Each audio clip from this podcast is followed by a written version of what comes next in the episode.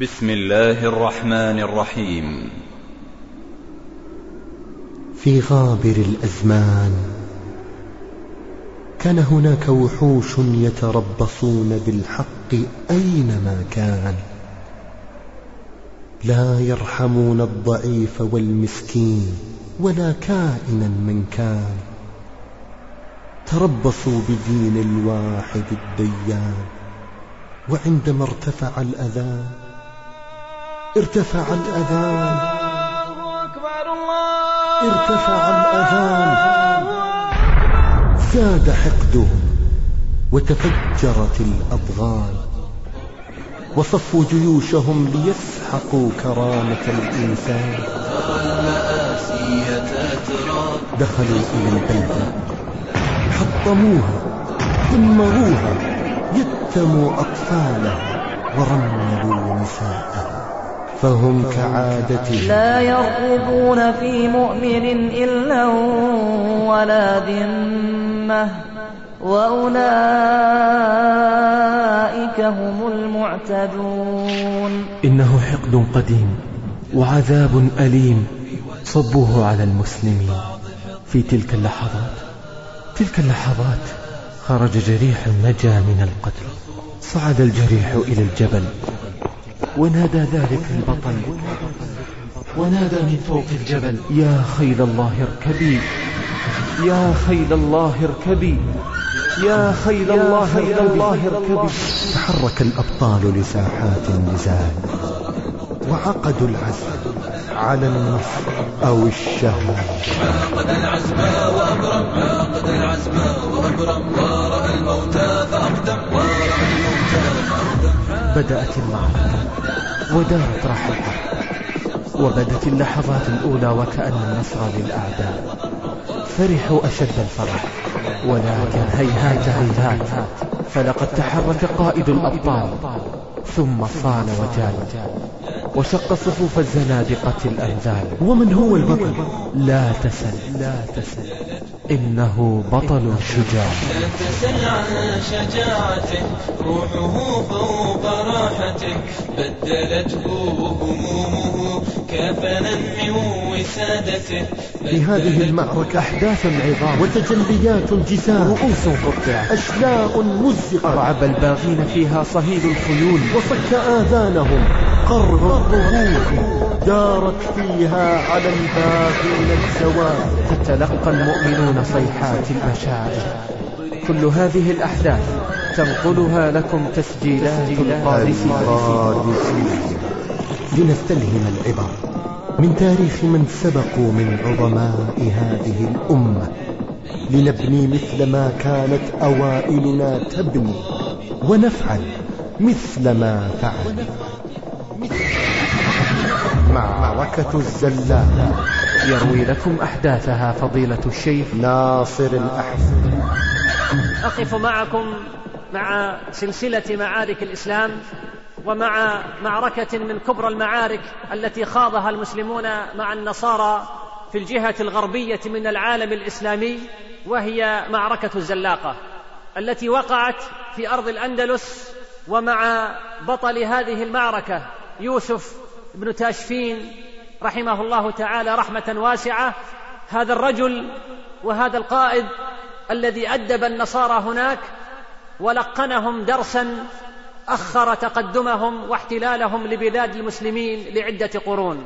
ومن الإنصاف أن نقول أن المؤرخين لم يوفوا يوسف المغرب حقه مثل ما وفوا ليوسف المشرق وأقصد به يوسف صلاح الدين الأيوبي رحمه الله تعالى فقد زخرت المكتبة الإسلامية بترجمات حياته وتحليلات سيرته وبدراسات حطين. لذلك فاسم يوسف المشرق قريب من مسامع الصغير والكبير والأمي والمتعلم بينما لم يوفى من حق يوسف ابن تاشفين إلا النزر اليسير مع العلم أن البطلين تصديا لحركة صليبية واحدة. تصدى صلاح الدين في المشرق لمعظم الدول الأوروبية وتصدى ابن تاشفين في الأندلس للإسبان ومن معهم من الفرنسيين والألمان ومن الأخطاء التاريخية أن مؤرخي الحروب الصليبية في المشرق ينسون الحروب الصليبية في المغرب. وقبل الحديث عن تفاصيل هذه المعركة لا بد من مقدمة نتصور بعض أحوال العالم الإسلامي في تلك الفترة. انتصرت رايات العباسيين في الشرق على رايات بني أمية. ولكن سلطة الأمويين لم تنتهي بقيام الدولة العباسية سنة اثنين وثلاثين ومائة للهجرة لأن عبد الرحمن الداخل استطاع أن يؤسس إمارة أموية في الأندلس عام ثمان وثلاثين ومائة للهجرة. وبسبب ضعف الخلافة العباسية وقيام الخلافة الفاطمية في الشمال الإفريقي أصبحت هذه الإمارة الأموية في الأندلس أصبحت مهددة. عندها أعلن عبد الرحمن الناصر الخلافة في الأندلس وتلقب بأمير المؤمنين الناصر لدين الله. ولا أريد الدخول في تفاصيل قيام هذه الدولة وسقوطها لكن في عام أربعمائة للهجرة بدأ ما يسمى بعصر الطوائف في الأندلس وهي الخلافات بين الأمراء وبسبب ذلك سقطت الخلافة الأموية في الأندلس وذهبت نتيجة أطماع الولاة من جهة وبسبب انحلال الشعب من جهة أخرى. وهكذا سقطت الخلافة الأموية في الأندلس وانقسمت إلى دويلات وتكونت أربع دول رئيسية. في جنوب الأندلس حكم الأدارسة وبنو عباد صاروا أمراء إشبيليا أقوى ملوك الطوائف وبنو ذي النون أمراء طليطلة وبنو عامر في بلنسية ومرسية الذين حكموا في شرقي الأندلس. كان حال المسلمين في الأندلس في النصف الثاني من القرن الخامس الهجري حالا يرثى لها حيث الخصومة والتطاحن والحروب حتى إن بعضهم لم يتورع عن التحالف مع الدول النصرانية أو أن يستمد عونها نظير الجزية. حتى أن المأمون يحيى ابن ذي النون بطش بمحمد بن جهور أمير قرطبة. فاستجار محمد بن جهور بجيرانه بني عباد أمراء إشبيليا. فهاجم جيش ابن عباد الجيش المحاصر لقرطبة واحتل مراكزها الحصينة قبل أن يفطن القرطبيون إلى أن أصدقاءهم قد انقلبوا عليهم. وهكذا انهارت دولة بني جهور في قرطبة في محنة محزنة ولم يمض على قيامها ثلاثون عاما. ومن مساوئ الحروب الداخلية بين هؤلاء الأمراء أن دخلت طليطلة إلى حظيرة النصرانية بعد أن حكمها المسلمون ثلاثمائة واثنين وسبعين سنة وأحدث سقوط طليطلة رد فعل عنيف أثار المسلمون في أنحاء الأندلس كلها وانطلق الخطباء والشعراء في استثارة الهمم والتحريض على الجهاد والتحذير من تفاقم الخطر ومما قيل في ذلك يا أهل أندلس حثوا مطيكم فما المقام بها إلا من الغلط؟ الثوب ينسل من أطرافه وأرى ثوب الجزيرة منسولا من الوسط ونحن بين عدو لا يفارقنا كيف الحياة مع الحيات في سفط؟ وهكذا بدأ القتال ضد المسلمين في الأندلس. يتخذ صفة الحرب الصليبية ولم يلبث البابوات حتى صار لهم دور في توجيهها. ورأى الأمراء المسلمون جميعا شبح السقوط ماثلا أمام أعينهم فاتحدوا لأول مرة واجتمعت كلمتهم على أن يضعوا حدا للحرب الصليبية. وإذا كانت قواهم مجتمعة لا تكفي لرد عدوانهم فقد اتفقت أيضا كلمتهم على أن يستنجدوا بالمرابطين في إفريقيا واستدعائهم إلى الأندلس فمن هم المرابطون؟ كانت هناك العشرات من القبائل البربرية تعيش في بلاد المغرب وفي الصحراء الكبرى تصل إلى أكثر من سبعين قبيلة. كان الجهل والفوضى يسودان تلك المناطق. اشتهرت بعض تلك القبائل في التاريخ باسم الملثمين وأصبح اللثام شعارا عرفوا به بدأ الدعوة إلى الله عز وجل في هذا الوسط المليء بالانحرافات. رجل يسمى عبد الله بن ياسين. حيث وجد أكثر الملثمين لا يصلون ولا يعرفون من الإسلام إلا اسمه. وعم الجهل عليهم وانحرفوا عن معالم العقيدة الصحيحة وتلوثت أخلاقهم واصطدمت تعاليمه بمصالح عدد من أمراء القبائل وكادوا أن يقتلوه. فانتقل إلى مصب نهر السنغال وأنشأ رباطا هناك اجتمع حوله جماعة ممن تعلق به بعدما انتشر واشتهر صيته بين القبائل هذا التجمع كان هو النواة فيما بعد لإقامة دولة سنية قوية في بلاد المغرب سميت بدولة المرابطين. وليس المجال أيضا هنا للتفصيل في قيام هذه الدولة. هذه التسمية جاءت من قول الله تعالى يا أيها الذين آمنوا اصبروا وصابروا ورابطوا واتقوا الله لعلكم تفلحون قامت هذه الدولة على نشر الإسلام. وتعليم الناس أحكام الشريعة. وصل الحكم لأحد ولاة هذه الدولة يسمى أبو بكر بن عمر. وبينما كان أبو بكر مشغولا بتخطيط عاصمته الجديدة مراكش نشبت حرب أهلية بين قبيلتي كدالة ولمتونة فهرع إلى الصحراء لكي يحول بتدخله دون أن تبطش إحدى القبيلتين بالأخرى. ولما تعذر إقناع القادة من الفريقين بعقد الصلح بادر إلى نجدة قبيلة لمتونة واستخلف ابن عمه يوسف ابن تاشفين وأمره أن يتم تخطيط مدينة مراكش وبناءها. عاد أبو بكر من مهمته فاستقبله يوسف بالهدايا الثمينة فعرف أبو بكر أن الأمور قد استقرت له فلم يطمع في الملك لنفسه. وتنازل ليوسف ابن تاشفين عن ولاية المغرب طواعية ثم عاد إلى الصحراء. يصحبه نصف جيشه. وعاش أبو بكر يجاهد في بلاد السودان ويعمل فيها على نشر الإسلام حتى توفي هناك سنة أربعمائة وثمانين للهجرة. وقل ما يسجل لنا التاريخ مثل هذه الحادثة الرائعة التي يتنازل فيها شخص عن الحكم للأكفأ والأفضل والأصلح. عاد أبو بكر إلى الصحراء وقال ليوسف ابن تاشفين أنت أخي وابن عمي ولم أرى من يقوم بأمر المغرب غيرك ولا أحق به منك وأنا لا غناء لي عن الصحراء وما جئت إلا لأسلم الأمر إليك وأعود إلى الصحراء مقر إخواننا ومحل سلطاننا. وعند قيام هذه الدولة الناشئة دولة المرابطين كان العالم الإسلامي مجزأ إلى دول. ففي الأندلس ملوك الطوائف كما ذكرنا قبل قليل في أربع دول والسلاجقة استولوا وحكموا العراق من يدي بني بويه والفاطميون كانوا في مصر. وطد يوسف ابن تاشفين سلطانه في المغرب الأقصى.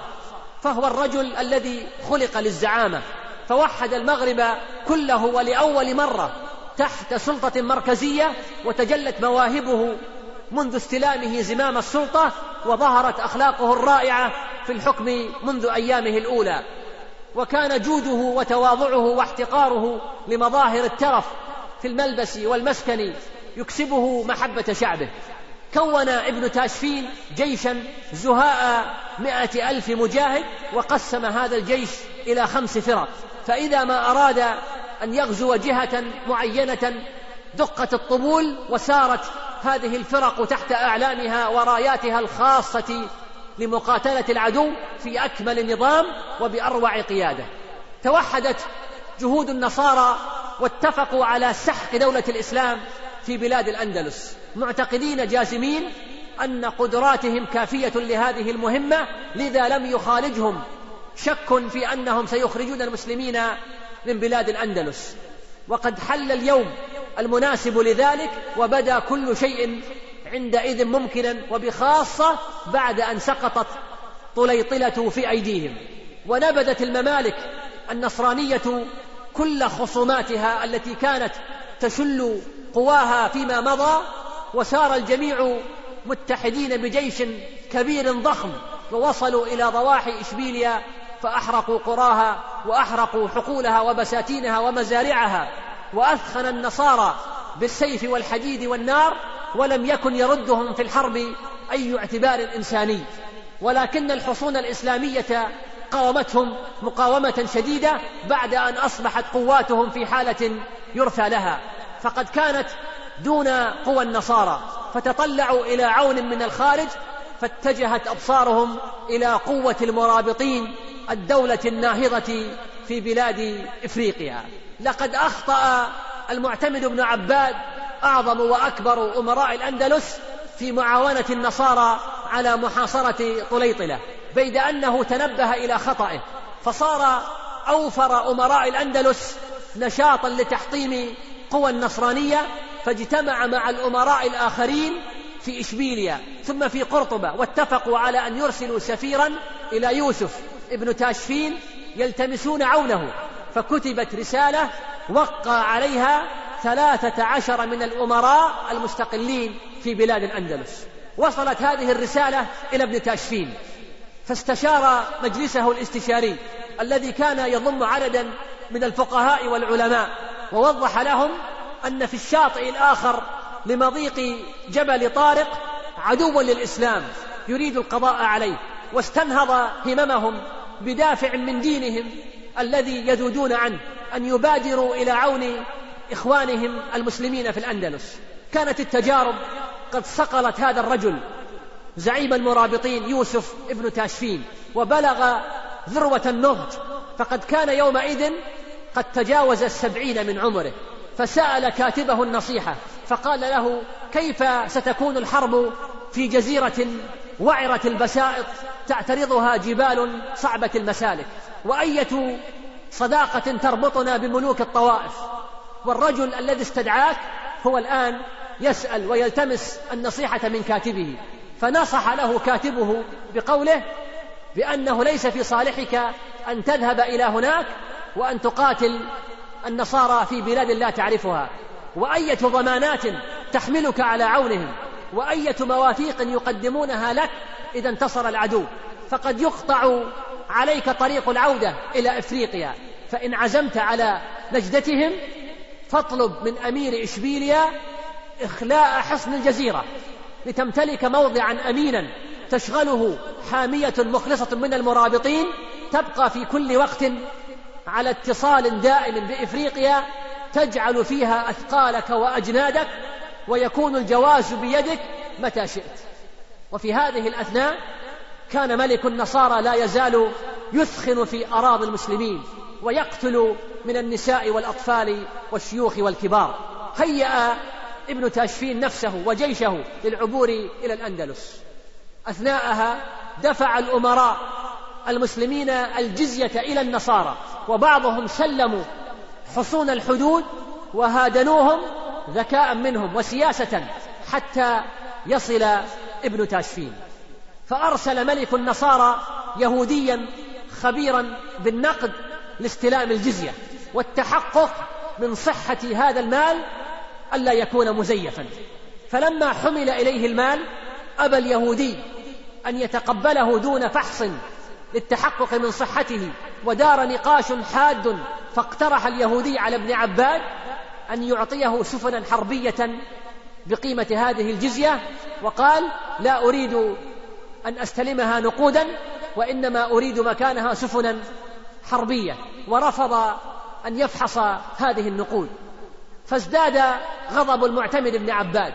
ثم قال اليهودي لابن عباد أن زوجة ملك النصارى على وشك الولادة وأن الأطباء قد أشاروا على الملك بالولادة في جامع قرطبة فلم يحتمل ابن عباد هذه الإهانة فأخذ محبرة كانت بين يديه فأنزلها على رأس اليهودي فألقى دماغه في حلقه م أمر به فصلب منكوسا في قرطبة. واستفتى ابن عباد الفقهاء لما سكت عنه الغضب عن حكم ما فعله باليهودي.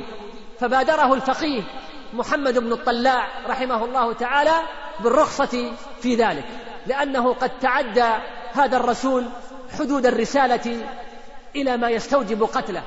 فقال بعض الفقهاء لابن الطلاع بعدما خرجوا من عند ابن عباد عن هذه الفتوى فقال لهم إنما بادرته بالفتوى خوفا أن يكسل الرجل عما عزم عليه من منابذة العدو وعسى الله أن يجعل في عزيمته للمسلمين فرجا.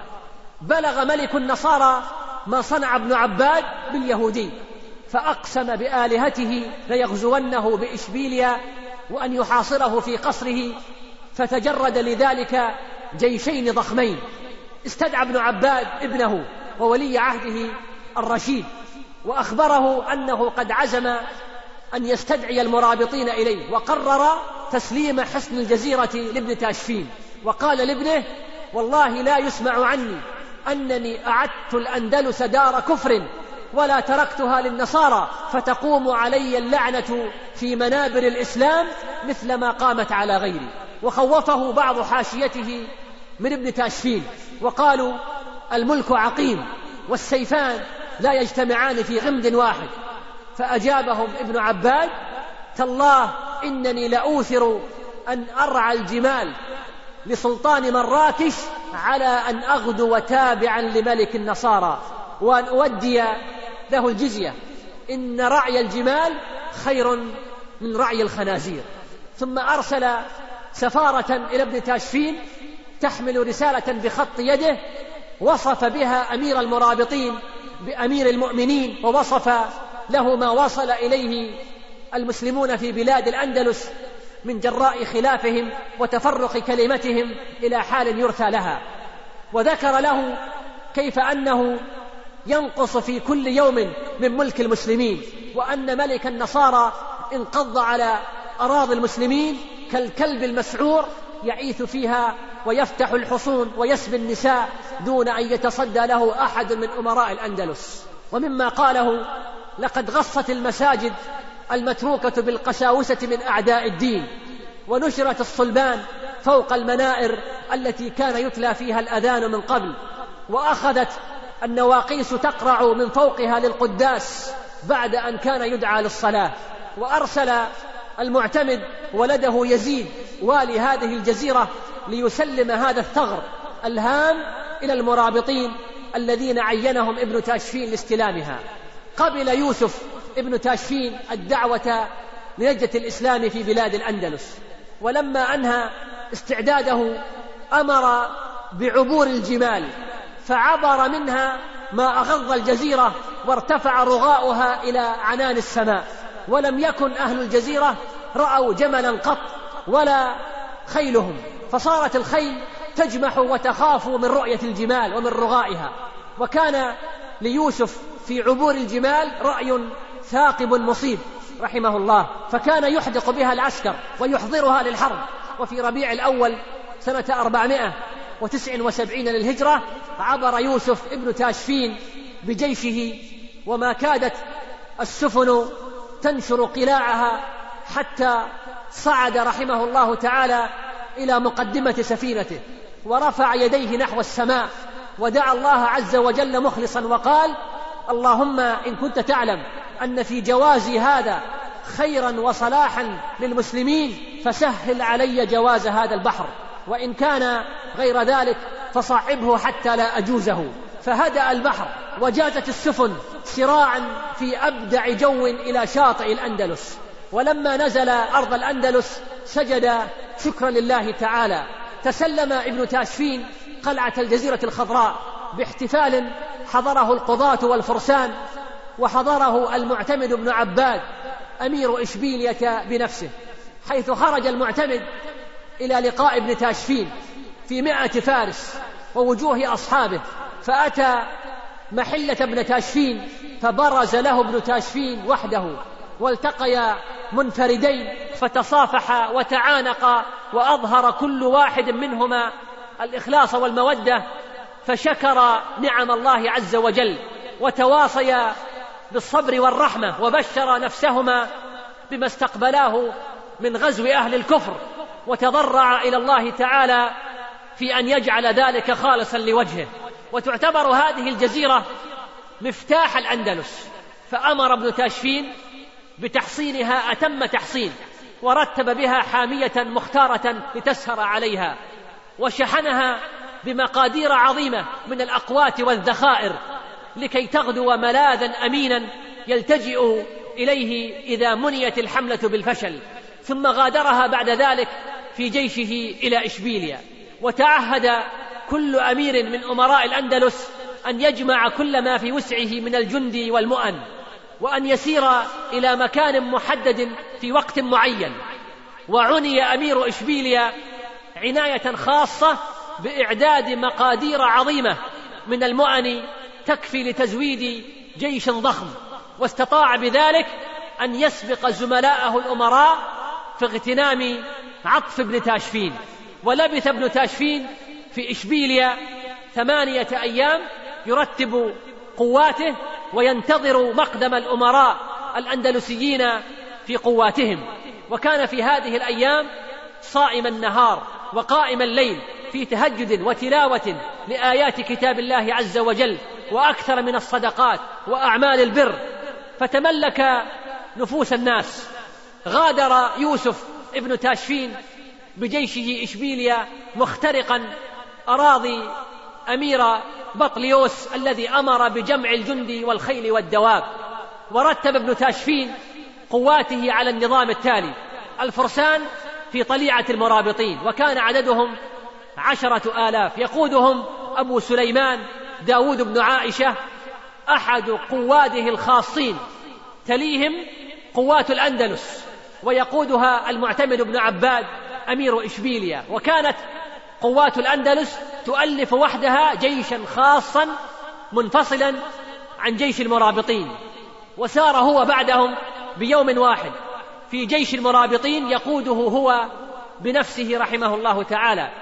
وقد ذكرنا من قبل بأن عمره قد تجاوز السبعين. وكان ينزل في المساء في المحل التي يغادرها أمير إشبيلية في الصباح. ووصلت الجيوش قرب بطليوس ولبث هناك ثلاثة أيام. في تلك الأثناء كان نبأ مقدم المرابطين إلى الأندلس قد وصل على جناح السرعة إلى معسكر النصارى. فعقد النصارى مجلسا من الكبراء ثم حشدوا قواتهم وتأهبوا بكل طاقاتهم لخوض المعركة الحاسمة مع فاتح إفريقيا. وفي الوقت نفسه وفدت لنجة النصارى سرايا من فرسان الأسبان والفرنسيين واتخذ القتال صفة الحروب الصليبية. وكان للبابوات والأساقفة والرهبان دور كبير في توجيه هذه الحرب.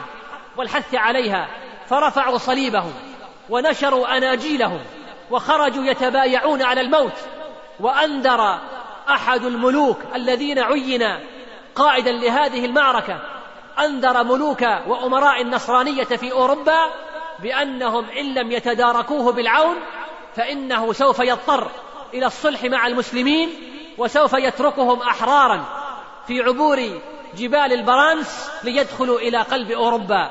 فجاءته الإمدادات من كل صوب وكان عدد جيش المسلمين في هذه المعركة ثمانية وأربعين ألفا نصفهم من الأندلسيين ونصفهم من المرابطين بينما كان عدد جيش النصارى مائة ألف من المشاة وثمانين ألفا من الفرسان منهم أربعون ألفا من ذوي العدد الثقيلة والباقون من ذوي العدد الخفيفة. أرسل ملك النصارى رسالة إلى ابن عباد إن صاحبكم يوسف قد تعنى من بلاده وخاض البحور وأنا أكفيه العناء فيما بقي. ولا أكلفكم تعبا أمضي إليكم وألقاكم في بلادكم رفقا بكم وتوفيرا عليكم. عسكر الجيشان المتحاربان في أرض سهل تتخلله الأحراش تسمى بالزلاقة. وفرق بين الجيشين نهر صغير وضرب ابن تاشفين معسكره وراء ربوة عالية منفصلا عن مكان الأندلسيين وعسكر الأندلسيون أمام النصارى الذين كانت جموع فرسانهم لا تدرك نهايتها الأبصار فكادت تبعث في قلوب الأمراء الأندلسيين اليأس من النجاح والظفر وكان الموقف لا يحتمل التأجيل فما تحمل هذه الجموع الهائلة من المؤن كان قليلا مما يهدد الجيشين بالجوع إذا طال مكثهما وانتظارهما في تلك البقعة. لبث الجيشان كل منهما تجاه الآخر لا يفصلهما سوى النهر ثلاثة أيام. فأرسل ابن تاشفين إلى ملك النصارى كتابا يخيره فيه بين ثلاث إما أن يعتنق الإسلام أو أن يؤدي الجزية للمسلمين فإن أبى فعليه أن يستعد للقتال. فكتب ملك النصارى إلى ابن تاشفين قائلا له إن غدا يوم الجمعة وهو يوم المسلمين ولست أراه يصلح للقتال ويوم الأحد يوم النصارى.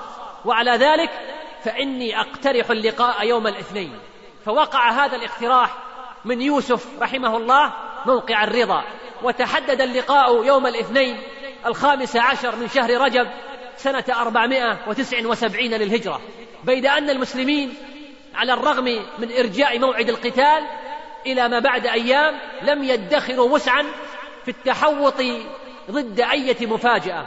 وارتابوا من نيات ملك النصارى. لا سيما وقد عرفه ابن عباد أمير إشبيليا من قبل خداعه في الحروب. وعانى من جرائها غير مرة. فبعث ابن عباد عيونه بالليل ليرقبوا كل حركة من معسكر النصارى. فرجع العيون مسرعين إلى المعتمد يخبرونه بأنهم سمعوا ضوضاء جيوش النصارى واضطراب الأسلحة متحققين من تحركهم.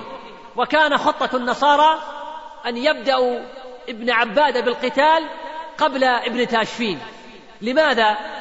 لأن المرابطين على حد زعمهم لا يعرفون البلاد وهم غريبون عن هذه الأرض. والذي يرشدهم من؟ هو ابن عباد. فلو هزموه انكشف لهم جيش المرابطين. عندها بعث ابن عباد الكاتب برسالة إلى ابن تاشفين يخبره بغدر النصارى ويستحث نصرته. أمر ابن تاشفين بعض قواده أن يمضي بكتيبة رسم لها خطتها وهي دخول محلة النصارى وإضرامها بالنار. ما دام ملك النصارى منشغلا ومشتغلا مع ابن عباد جعل ابن تاشفين المعتمد ابن عباد في قلب المقدمة والمتوكل في الميمنة وأهل شرق الأندلس في الميسرة وباقي الأندلسيين في الساقة بينما وزع المرابطين في كماء تفاجئ العدو بعد اصطدامه بجيش الأندلس. وستمنع الأندلسيين من التراجع أو الفرار. فخطة الزلاقة خطة مبتكرة رائعة تؤمن عنصر المفاجأة في المعركة بقوات احتياطية مرتاحة معدة للهجوم على معسكر العدو ذاته والضغط عليه بشدة لتثخن فيه من مؤخرة صفوفه. مع جو رهيب من دق الطبول التي تضرب بشدة من حول جيش المرابطين. فتشق بدويها الفضاء لتبث الفزع في صفوف جيش النصارى الذي لم يسبق له سماع مثل هذا الضجيج الذي تهتز له الأرض. تهيأ الطرفان للمعركة وتنبه المسلمون لغدر النصارى ووقف الرهبان والقسس في صفوف الجيش النصراني يحثونهم على القتال ووقف العلماء والفقهاء في صفوف المسلمين يحثون المجاهدين على الصمود والاستشهاد. سير ملك النصارى القسم الأول من جنده لينقض بمنتهى العنف على معسكر الأندلسيين الذي يقوده ابن عباد.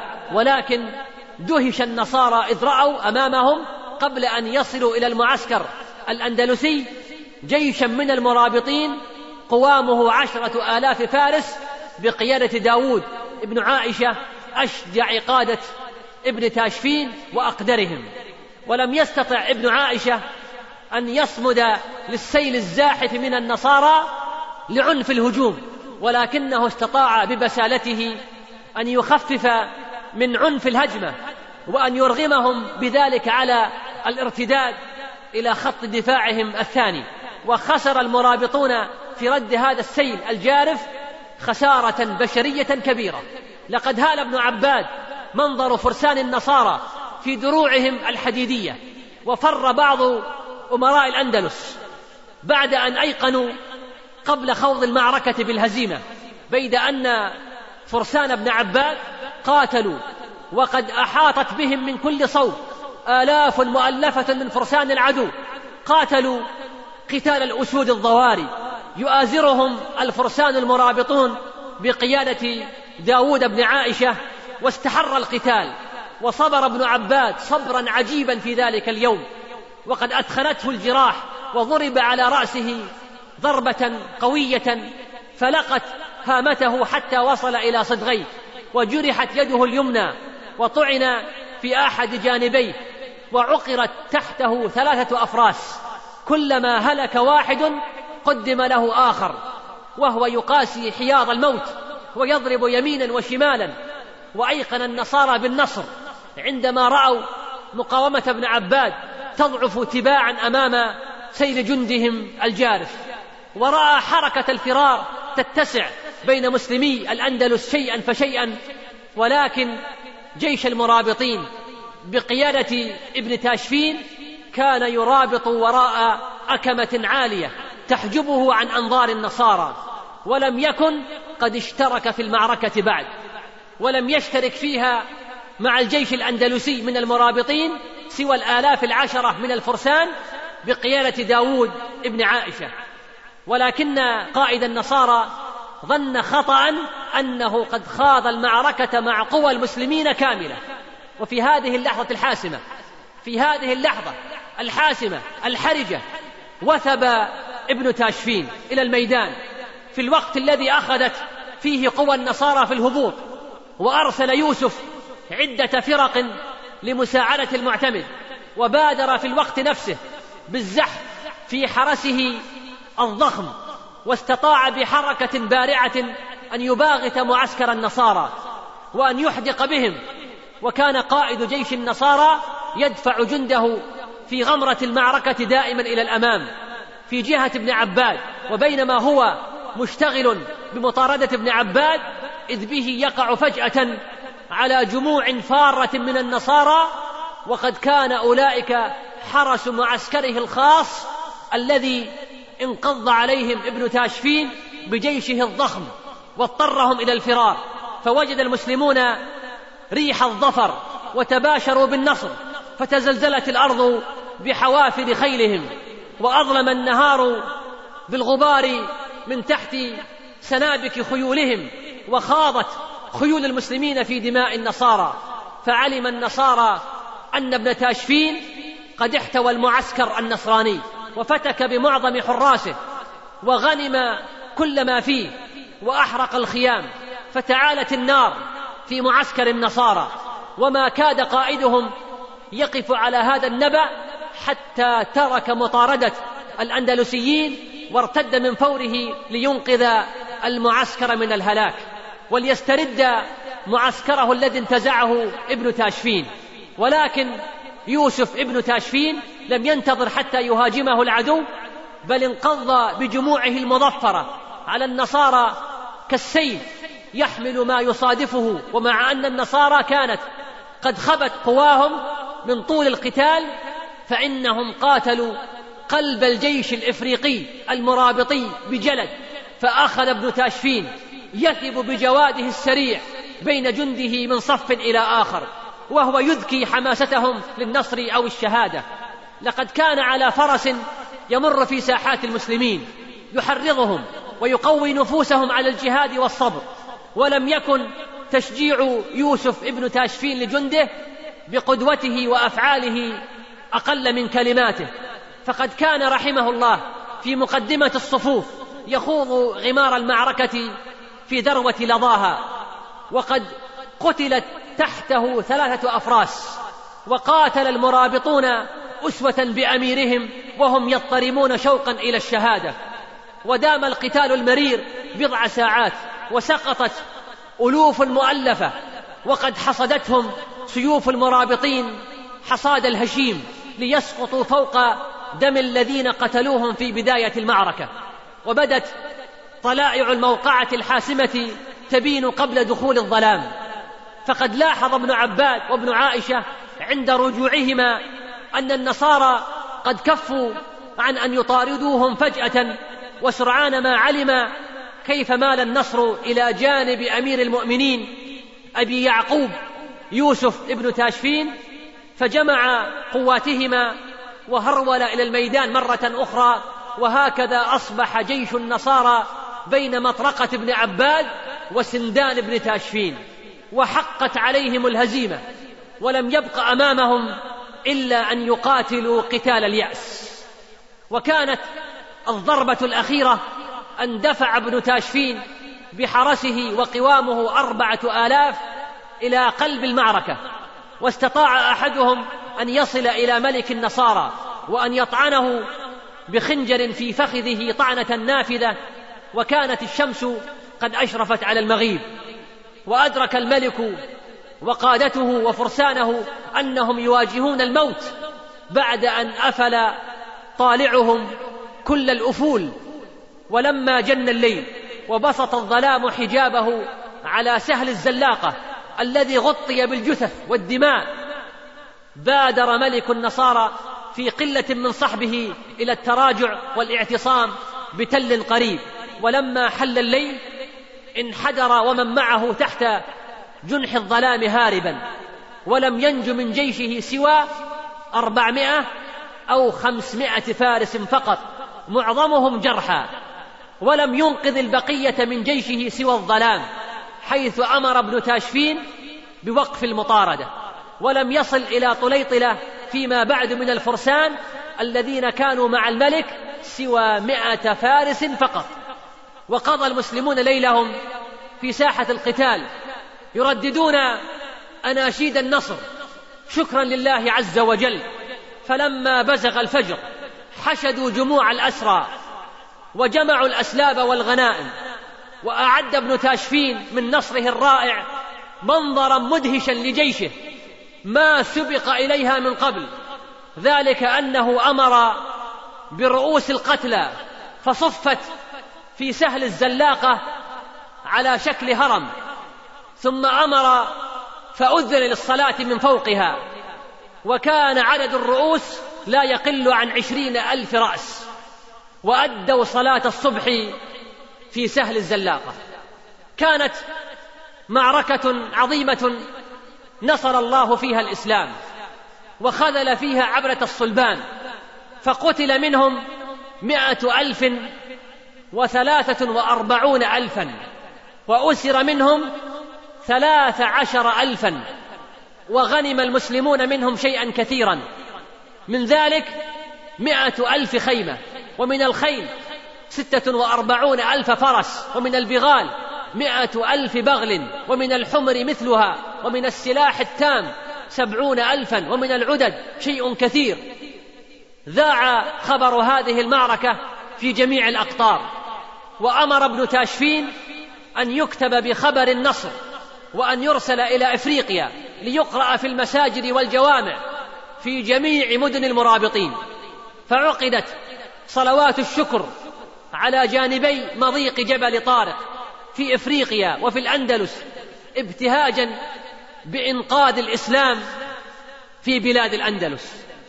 انتهت معركة الزلاقة بنصر عظيم رد سيل النصرانية الجارف عن الأندلس المسلمة بعد أن كاد ينذرها بالمحو والفناء العاجل فغنم الإسلام حياة جديدة في الأندلس امتدت أربعة قرون أخرى.